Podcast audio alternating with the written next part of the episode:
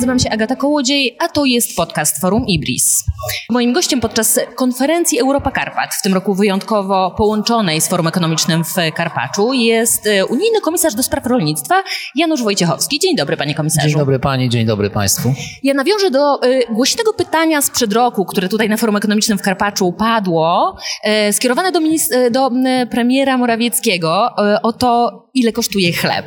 Ja nie chcę pana komisarza o to egzaminować w tej chwili, ale raczej w kontekście tego, że y, nie było jeszcze wojny w Ukrainie, wówczas gaz z Rosji nie był odcięty i wówczas inflacja, dano inflację, jakie wtedy znaliśmy, to była inflacja za sierpień wynosząca 5,5%, to pytanie brzmiało trochę inaczej, że tak powiem, jeśli chodzi o kontekst psychospołeczny. Więc ja dzisiaj pana komisarza chciałabym zapytać nie ile kosztuje chleb, a ile będzie kosztował w przyszłym roku. No musimy się liczyć z tym, że wzrost cen żywności jest zjawiskiem e, długotrwałym i e, musimy na to e, odpowiednio reagować. To znaczy, co możemy zrobić, żeby te ceny żywności, wzrost cen żywności, który jest nieuchronny w sytuacji, kiedy rosną koszty produkcji, rosną, rosną koszty energii, rosną drastycznie koszty nawozów i na to mamy ograniczony wpływ. Więc oczywiście pomoc dla rolnictwa z jednej strony, która jakby zmniejsza trochę koszty, czy rekompensuje rolnikom ten wzrost kosztów, to choćby to, co zrobił polski rząd, jeśli chodzi o pomoc do, do nawozów, rekompensaty nawozowe, na pewno przekłada się na nieco niższe ceny, e, ostateczne te ceny e, produktów żywnościowych, e, ale też e, powinniśmy bardzo mocno postawić na to, co się nazywa krótkim łańcuchem dostaw. Dlatego, że e, ceny żywności to może nie w niewielkim, ale nie, nie, w głównie, nie w głównym stopniu zależą od tego, ile się płaci rolnikowi. Ceny żywności zależą w dużej mierze od pośrednictwa. Ta, ta, droga od pola do stołu jest bardzo długa. W całej Unii Europejskiej niestety długa jest również w Polsce. E, no, szacuje się, że to w skali Unii są badania robione, więc e, ten dystans, statystyczny dystans od pola do stołu to jest około 180 kilometrów bo wiemy ile, ile to towarów transportujemy rocznie w skali całej Unii i wiemy ile to jest tak zwanych tono, tonokilometrów. Więc z tego wyliczenia wynika, że to jest 180 kilometrów. A jak bardzo da się e, skrócić tę odległość? No wie pani, to, to, to, to można zredukować. No, są tego typu inicjatywy 0 kilometrów, to znaczy, żeby sprzedaż odbyła się na miejscu, a więc sprzedaż bezpośrednio w gospodarstwie, na lokalnych rynkach tu jest naprawdę ogromne pole. Niektóre kraje bardzo dobre mają doświadczenia w tym. To jest na przykład Włochy, gdzie ta, ta sprzedaż na lokalnych rynkach jest bardzo rozwinięta i rolnicy na tym korzystają. Polska ma idealną strukturę, bo Polska ma e, bardzo duży potencjał małych i średnich gospodarstw rolnych. Więc jeśli rozwiniemy sprzedaż lokalną, to korzyść będzie dwustronna. Rolnicy będą mogli dostać więcej za, swoje, za swoją pracę, swoje produkty, a konsument mniej zapłaci za towar wysokiej jakości. E, my straciliśmy bardzo wiele w, w, minionych latach tych właśnie lokalnych rynków, tej, tej takiej sprzedaży bezpośredniej. To się odbudowuje już. Ja doceniam wysiłki rządu, który już wiele zrobił. No właśnie, Są te ułatwienia, etapie... ale to w dalszym ciągu nie jest e, wszystko, co, co, co powinno być zrobione. No właśnie, a co powinno być konkretnie zrobione jeszcze w najbliższym czasie, żeby jak najszybciej poradzić sobie z takim wyzwaniem i zmienić tę strukturę handlu? Tak, pani redaktor, no mamy, mamy reformę wspólnej polityki rolnej, która bardzo mocno e, wspiera małe i średnie gospodarstwa. Ten krajowy plan strategiczny przyjęty kilka dni temu, miałem zaszczyt go podpisać w imieniu komisji. Polska jest wśród pierwszych siedmiu krajów, które mają zatwierdzony plan strategiczny na lata 2023-2027. 25 miliardów euro dla rolników e, w dużej mierze na wspieranie małych i średnich gospodarstw, na wspieranie gospodarstw hodowlanych, na różne programy, które mogą właśnie wspierać organizacje rolników, e, grupy producenckie dostarczające na lokalne rynki, ale też musi być wsparcie z innych środków. Tutaj no fundusz e, czy krajowy plan odbudowy jest bardzo istotny i no mam nadzieję, że Polska jednak otrzyma nie, w niedługim czasie te fundusze, bo tam jest na przykład, tam są środki na przetwórstwo rolne, bardzo ważne. W Polsce, co jest problemem, to znaczy bardzo skoncentrowane i w dużej skali przetwórstwo. Brakuje e, tego powiązania lokalnego rolnictwa z lokalnym przetwórstwem. Musimy odbudować w Polsce takie lokalne przetwórstwo, niewielkie przetwórnie, niewielkie na przykład e, masarnie, czy, czy niewielkie przetwórnie owoców, warzyw tego brakuje. To Polska musi odbudować i wtedy... I na to właśnie mogłyby pójść tak. środki z Krajowego Planu Odbudowy? Z Krajowego Planu Odbudowy zdecydowanie tak. To znaczy rolnictwo wspierane ze środków wspólnej polityki rolnej z tych 25 miliardów, odbudowa przetwórstwa głównie z Krajowego Planu Odbudowy, a rozwój rynków lokalnych z funduszy regionalnych, tych, które mają samorządy, bo to jest ogromna rola samorządów. Zorganizować e, jakieś miejsca, e, wyposażyć, żeby rolnicy mogli przyjeżdżać bezpośrednio sprzedawać swoje produkty. Jest naprawdę, my mamy rolników, którzy tak, takie produkty e, produkują i oni mają problem ze, ze sprzedażą. Są skazani na pośredników, którzy którzy często wykorzystują swoją, swoje przewagi wobec rolników. Także tu jest ogromne pole. To się, to się nie stanie oczywiście szybko, ale, ale to jest ten kierunek myślenia, który powinien być e, w, naszym, w naszych działaniach, żebyśmy no, uniknęli jakiegoś drastycznego wzrostu cen żywności. Wspomniał pan komisarz o Krajowym Planie Odbudowy, a w ostatnich dniach, tuż przed e, tą konferencją i tym forum, e, słyszeliśmy sygnały polityków z, ze Zjednoczonej Prawicy mówiące, mówiące o tym, że raczej nie będziemy żebrać o te pieniądze z KPO. Takie trochę sygnały świadczące o tym, że, że właściwie już trochę Polska by, przestała dbać o to, żeby zdobyć te pieniądze. Pan w kontekście właśnie rolnictwa na przykład, czyli swojej działki, obawia się, jeśli tych pieniędzy rzeczywiście nie byłoby i Polska by ich nie dostała? E, pani redaktor, no tak jak wspomniałem, w planie odbudowy jest, e, są fundusze, które stanowią istotną część całego, całego systemu żywnościowego, które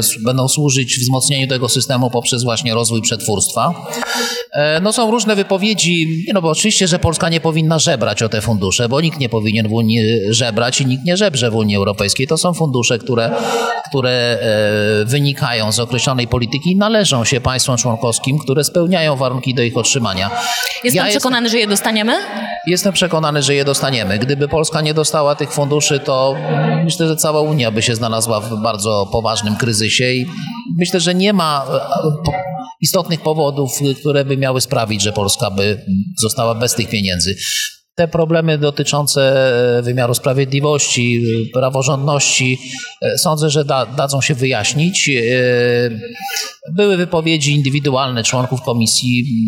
Moim zdaniem nie, no nie podzielam tych opinii, że Polska jakichś kamieni milowych nie spełnia. Moim zdaniem to, co zostało wprowadzone w ustawie, tej, tej tak zwanej prezydenckiej, E, sprawia, że Polska e, wypełnia e, oczekiwania przede wszystkim wynikające z wyroku Trybunału Sprawiedliwości Unii Europejskiej i że to zostanie wyjaśnione.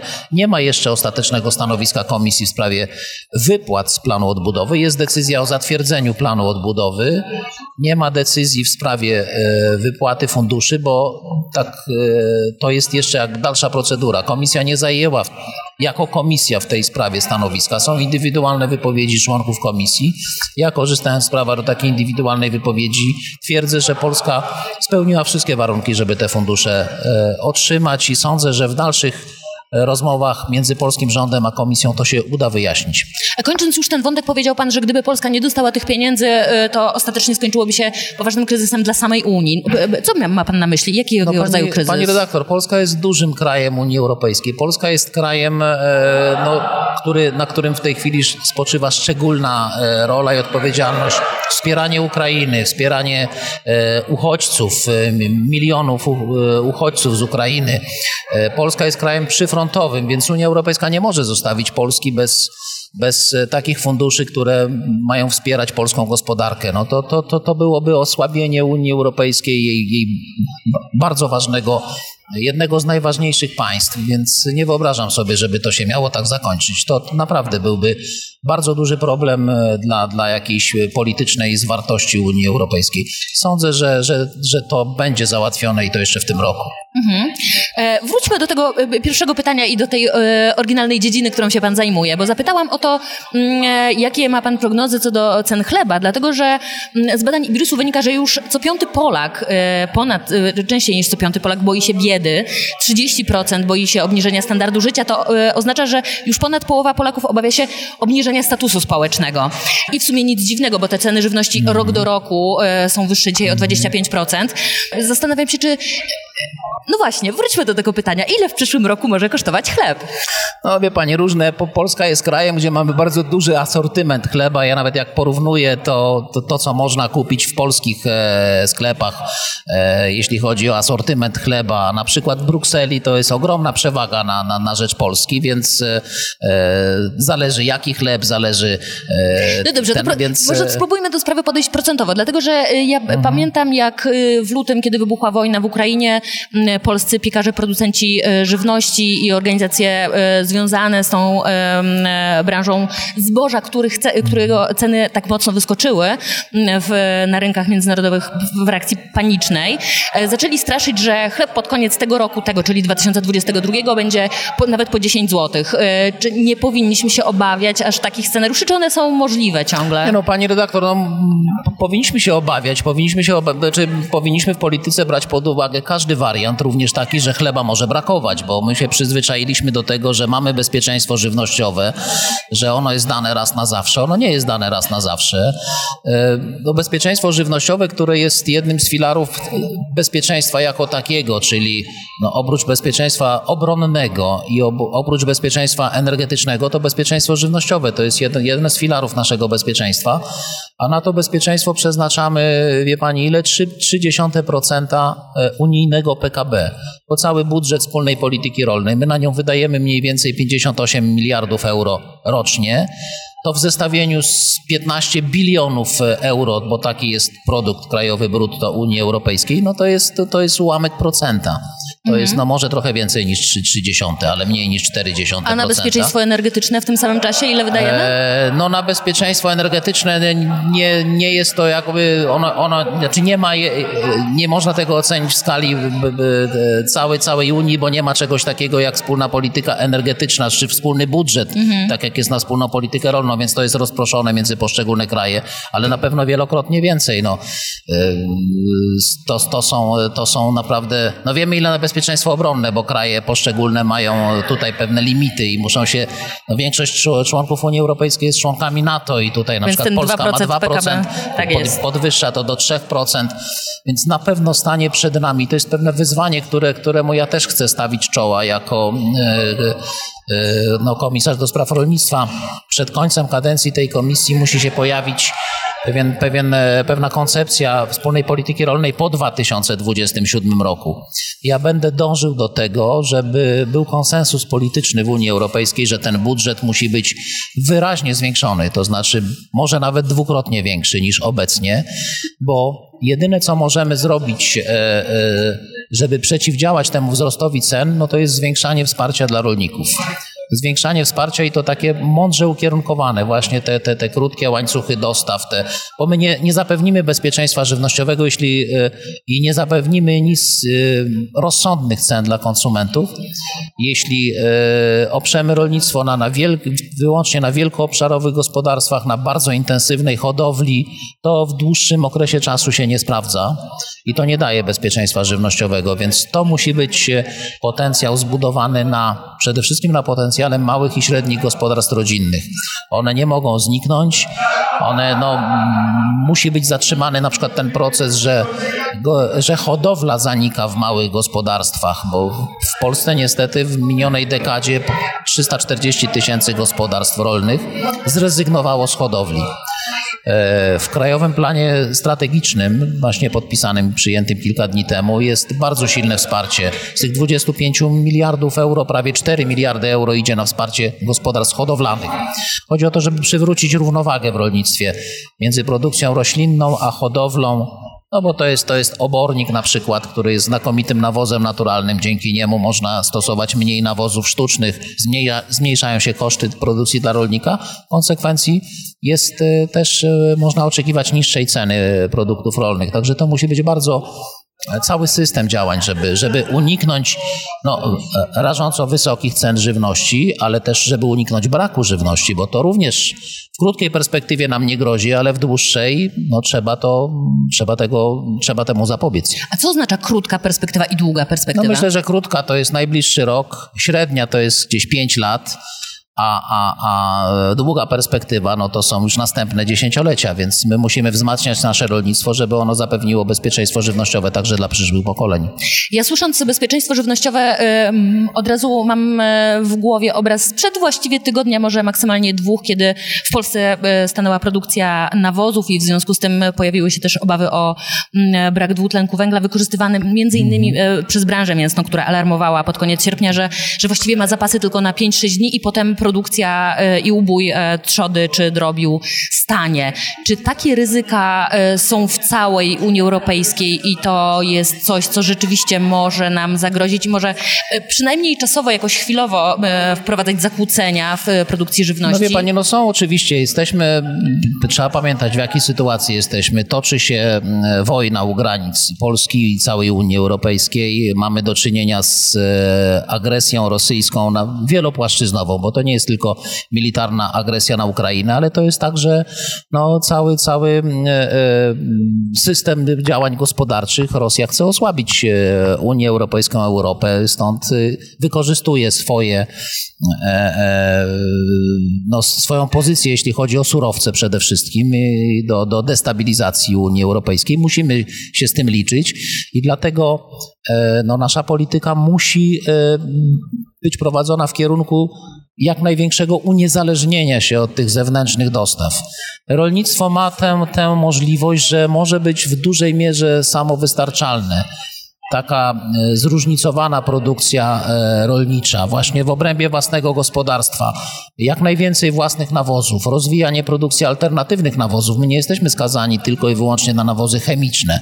Są różnego rodzaju nawozy biologiczne. W tej chwili jest sporo innowacji w tym kierunku. Pojawiają się bardzo ciekawe projekty, co można, jakie substancje można wykorzystać jako nawozy nie chemiczne, tylko właśnie biologiczne. Gdzie gaz nie e, jest e, potrzebny do produkcji Gdzie gaz nie jest ilości? potrzebny do produkcji, gdzie można do, wy, wykorzystać różnego rodzaju odpady, e, które, które mogą zwiększyć tutaj, no, poprawić jakość gleby, więc to, to, to są różne działania, które trzeba wspierać. Rolnictwo musi być bardziej niezależne od, od zewnętrznych dostaw.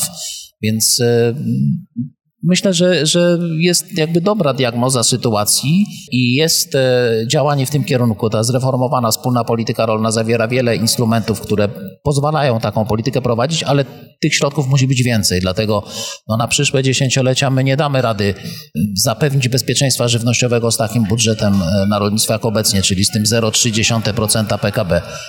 Tym nie zapewnimy bezpieczeństwa żywnościowego. Moim zadaniem jest przekonać, że my musimy w dużo większym stopniu wesprzeć rolnictwo. Mm, skoro mówiliśmy o mięsie, to przychodzi mi do głowy, czy Mięso, bo ekolodzy bardzo często, czy e, jakieś lewicowe ruchy, czy mhm. wskazują na to, że e, mięso po prostu w najbliższych latach, a potem dekadach musi być drogie, bo ta e, struktura konsumpcji musi się zmienić. Ja zastanawiam się, czy w agendzie unijnej jest tego typu myślenie, że skoro teraz trochę zmieniamy strukturę mhm. rolnictwa, być może strukturę dopłat, sposób finansowania i wspierania unijnego rolnictwa, czy przewija się tam taka myśl dotycząca tego, że być może e, Europejczycy powinni jeść i produkować w związku z tym mniej mięsa na rzecz mm, żywności pochodzenia no, roślinnego? Prze, przebija się taka, e, taka idea, ona gdzieś tam nawet jest wpisana w strategii od pola do stołu z uwagi na zdrowie. Powinno się no, zracjonalizować dietę. Raz zdrowie, ja, ja dwa chcę, czynniki tak. środowiskowe, bo jednak czynniki, produkcja mięsa jest bardzo środowiskowe, ale ja chcę powiedzieć to, co jest we wspólnej polityce rolnej, to za co ja odpowiadam.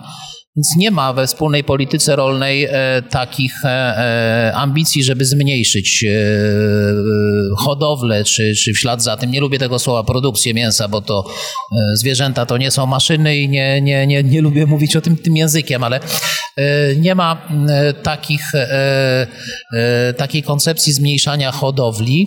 Jest natomiast bardzo silny nacisk i to jest bardzo dobry kierunek na zrównoważenie hodowli.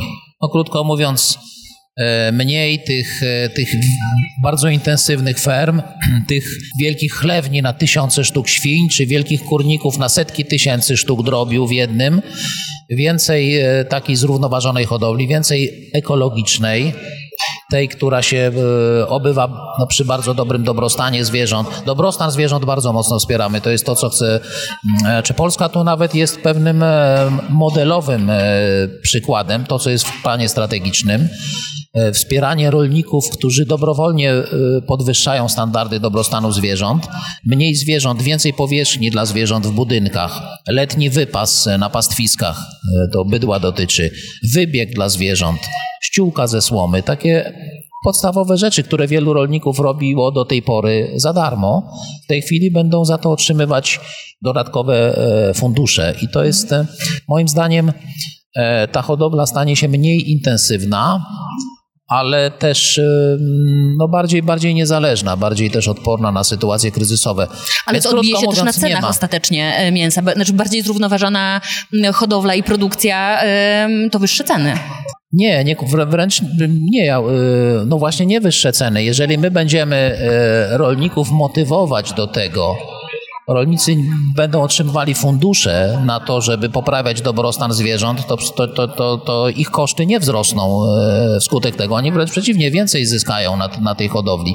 Więc e, nie, to jest kierunek, który nie, e, który no, nie doprowadzi do wzrostu cen. Wręcz przeciwnie, myślę, że w długim perspektywie to on nawet będzie działał obniżająco na ceny bo będzie tej, tej, ta, ta, ta zrównoważona hodowla będzie się opłacać dla rolników, będziemy mieli z niej lepszej jakości mięso, lepsze produkty, I, i, I, korzyści będą obustronne, to znaczy i dla rolników, i dla konsumentów. A dla klimatu, to znaczy tańsze mięso, jak pan sugeruje, że ono mogłoby być tańsze, to wielki, większy problem dla środowiska. Czy nie będzie tu jakiegoś na poziomie Unii choćby starcia mm, tak. pomiędzy komisarzem do spraw rolnictwa, a komisarzem do spraw y, energii, środowiska i tak dalej, i tak dalej? E, pani redaktor, wiele, y, wiele praktyk rolniczych związanych z hodowlą jest ewidentnie korzystnych dla środowiska, na przykład wypas na, na, na trwałych, taki ekstensywny, ja nie mówię o intensywnej hodowli, hodowli. Ale ekstensywny wypas jest jednym z elementów tak zwanego rolnictwa węglowego, czyli zaliczany jest do praktyk rolniczych, które są korzystne dla klimatu ewidentnie. Dobrostan zwierząt jest jedną z praktyk rolniczych uznawanych za korzystną dla środowiska i dla klimatu. Podwyższanie dobrostanu zwierząt, czyli wszystko, co robimy, żeby zwierzęta były w lepszej kondycji, jest generalnie korzystne dla środowiska i dla klimatu, więc y, nie, ja myślę, że to jest do, do, do, do pogodzenia. Natomiast no, jest problem intensywnej hodowli. Znaczy, no, ja jakby tutaj jestem zwolennikiem zasady, że rolnictwo to nie przemysł, yy, ziemia to nie fabryka, zwierzęta to nie maszyny. Więc jeżeli będziemy prowadzili produkcję rolniczą w zrównoważony sposób, to i, i, środowisko nie, na tym nie ucierpi, ani, ani i klimat na tym zyska, więc yy, to jest właściwy kierunek. Czyli takie zrównoważone rolnictwo. Nie możemy, nie możemy zamienić rolnictwa w przemysł. To tu jest jakby gdzieś pewna granica. Jeżeli zaczynamy traktować ziemię e, czy zwierzęta tak jak sportowca na dopingu, e, jeżeli chcemy w krótkim czasie uzyskać jakieś ekstra efekty produkcyjne, nie, nie, nie patrząc na takie naturalne ograniczenia, no to wtedy będzie źle. Pytanie, no, czy chcemy? Już tak robimy w jakiejś mierze I już i właśnie musimy się trochę, trochę z tego cofnąć. Tak, to jest coś, co tak pięknie święty Jan Paweł II kiedyś powiedział e, na spotkaniu z rolnikami zresztą, że włoskimi w tym przypadku, że człowiek nie może ulegać pokusie zysku, e, kosztem, zysku za wszelką cenę kosztem natury, bo natura prędzej czy później zbuntuje się przeciwko człowiekowi. I myślę, że pewne nazbyt intensywne praktyki rolnicze, zbyt duże nawożenie na przykład, e, czy takie intensywne produkcje, no, uprawy kukurydzy na przykład, bez płodozmianu, one powodują wysuszanie gleby. Odejście od obornika powoduje, że no, za, za, e, zlikwidowanie tej, tej naturalnej e, hodowli Brak obornika powoduje, że mamy coraz większe problemy z suszą. To nie tylko klimat powoduje, ale też no, takie wysuszanie gleby wskutek zbyt intensywnych praktyk rolniczych. Także to, to obserwujemy i to trzeba, to jest wyzwanie. Myślę, że, że jesteśmy na dobrej drodze, żeby to jednak mm, e, no, poprawić sytuację w tym zakresie.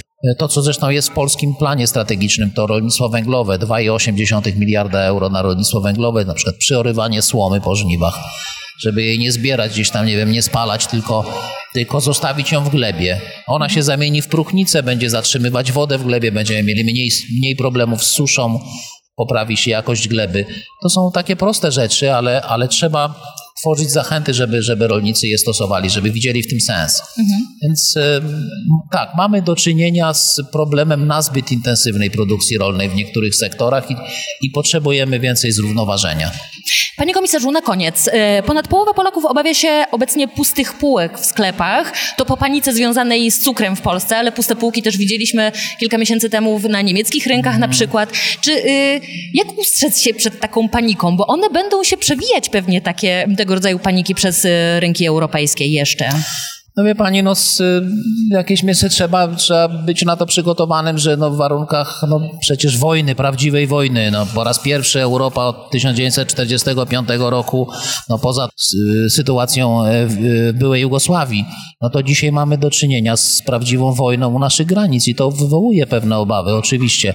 Ale nie, no ja chcę bardzo stanowczo powiedzieć, że e, no na pewno w krótkiej, w tej średniej perspektywie, czyli perspektywie roku, tak jak powiedziałem, czy, czy, czy najbliższych pięciu lat nie grożą Europie braki żywności. Rolnictwo ma potencjał, produkuje, dało sobie radę z kryzysem covidowym, daje sobie radę e, w, tej sytuacji wojennej, e, w której się znaleźliśmy, więc nie, nie ma powodu do żadnej paniki, nie ma powodu do obaw, że w Europie braknie żywności.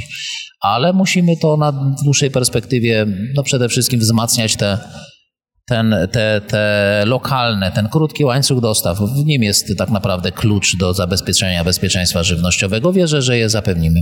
Bardzo dziękuję za rozmowę. Moim gościem był pan Janusz Wojciechowski, unijny komisarz do spraw rolnictwa. Dziękuję, dziękuję bardzo.